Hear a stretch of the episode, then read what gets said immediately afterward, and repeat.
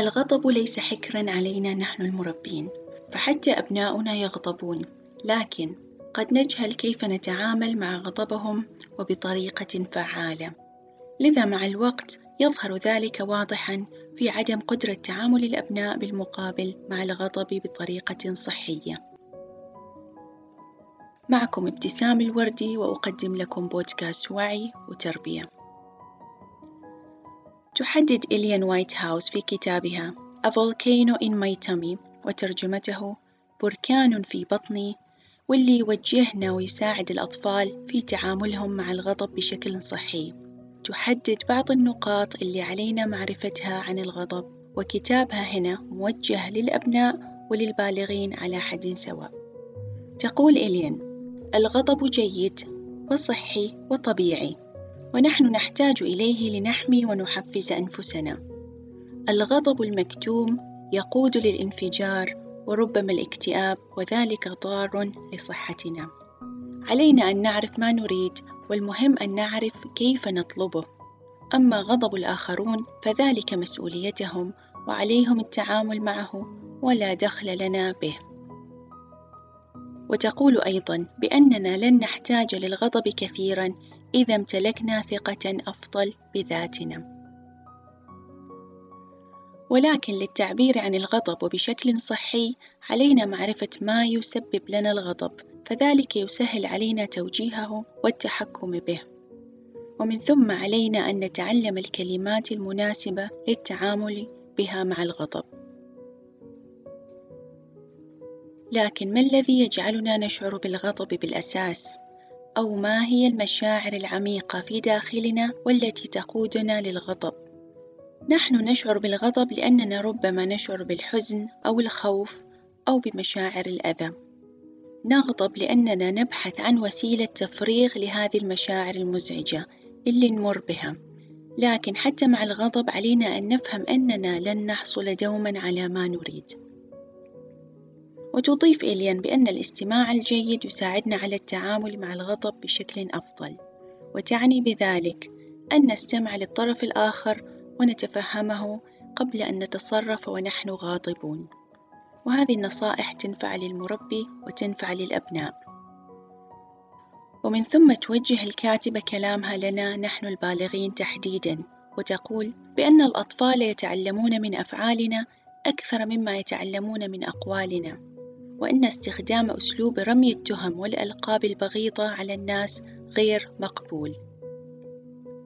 وصحيح بأن لنا السلطة لأننا أكبر سنًا، لكن علينا أن نستخدم هذه السلطة بحكمة وندرك بأن للأطفال حقوق، ومن بين هذه الحقوق حق الشعور بالأمان معنا.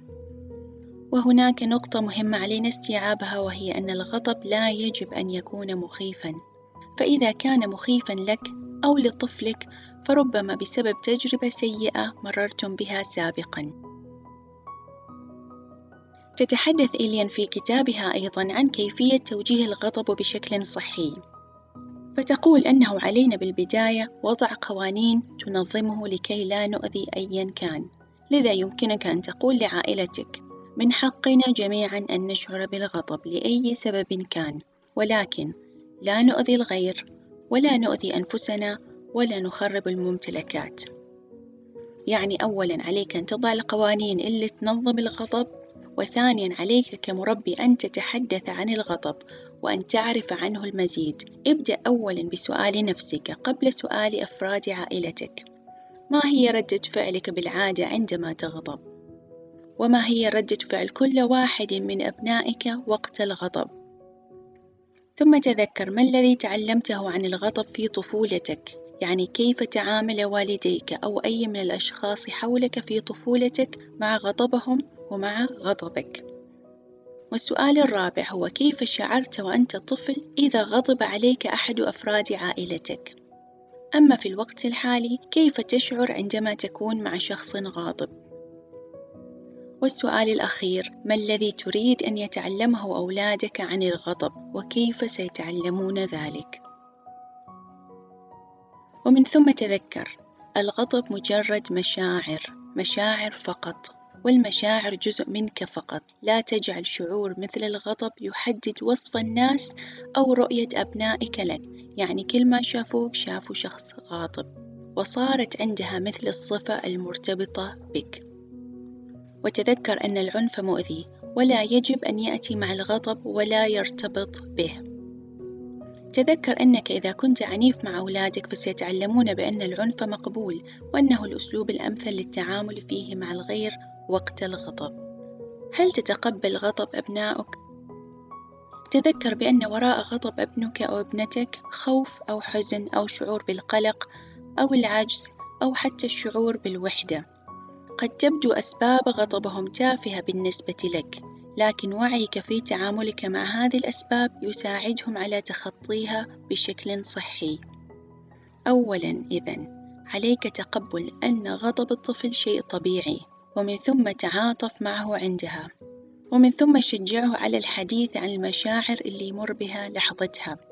فأنت بذلك تصنع طفلا واثقا من ذاته قادر على تنظيم مشاعره بشكل صحي وتوجيهها بحيث يتمكن من إيجاد حل لما يغضبه لحظتها ويساعده على المرور بهذه اللحظات بدروس اكتسبها من الموقف. وذلك يساعده في حياته لاحقا عند التعامل مع مختلف المواقف. مشاعر الغضب طبيعية بل وصحية وكل فرد يمر بها بأي مرحلة من مراحل حياته. ليش ذكرت بأن الغضب مشاعر صحية؟ ذلك لأنه ساهم في تطوير حياة الملايين. كالغضب من وجود مرض يفتك بالبشر ومن ثم توفير لقاح معالج له.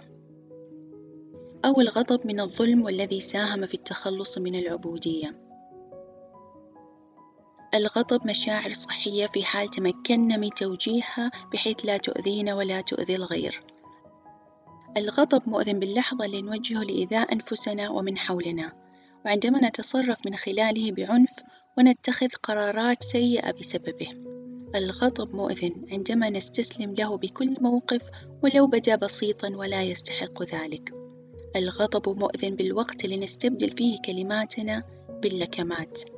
الغضب مؤذن إذا كان جزء من طبيعتك.